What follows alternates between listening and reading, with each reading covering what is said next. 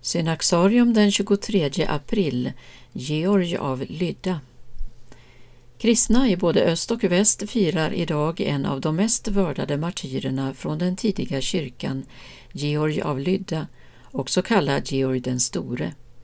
I Sverige är han mer känd under namnet Sankt Göran. Han växte upp i en varmt troende kristen familj i Kappadokien i slutet av 200-talet. Sedan hans far, Gerontios, blivit martyr flyttade han tillsammans med sin mor Polykronia till Palestina. Georg inledde en framgångsrik militär karriär som gjorde att han vann inflytande vid det kejserliga hovet.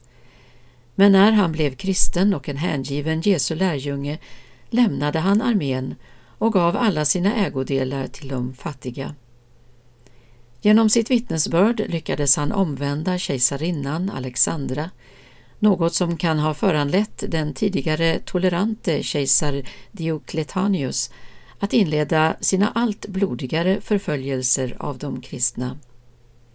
Mitt under förföljelserna uppträdde Georg i senaten i Rom.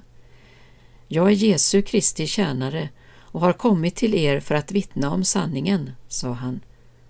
Vad är sanning? frågade en av senatorerna, varpå Georg svarade Sanningen är Kristus själv, den som ni förföljer.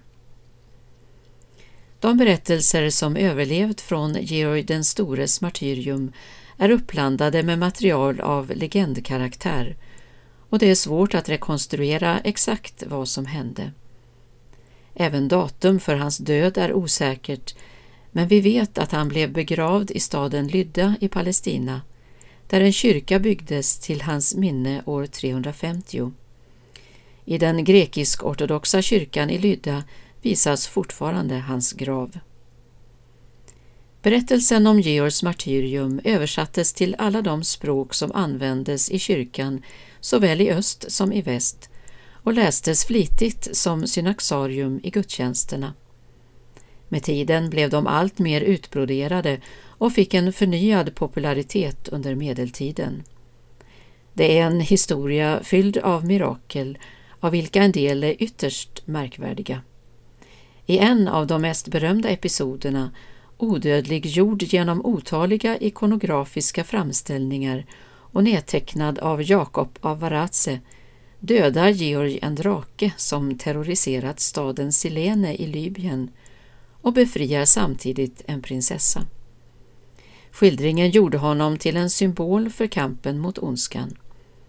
En berömd skulptur av Sankt Göran och draken från 1400-talet finns i Storkyrkan i Stockholm och en annan i förgylld brons på taket till Stockholms stadshus.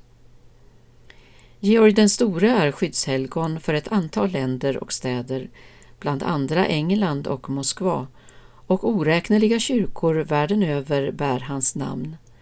Han är även scoutrörelsens stora symbolgestalt.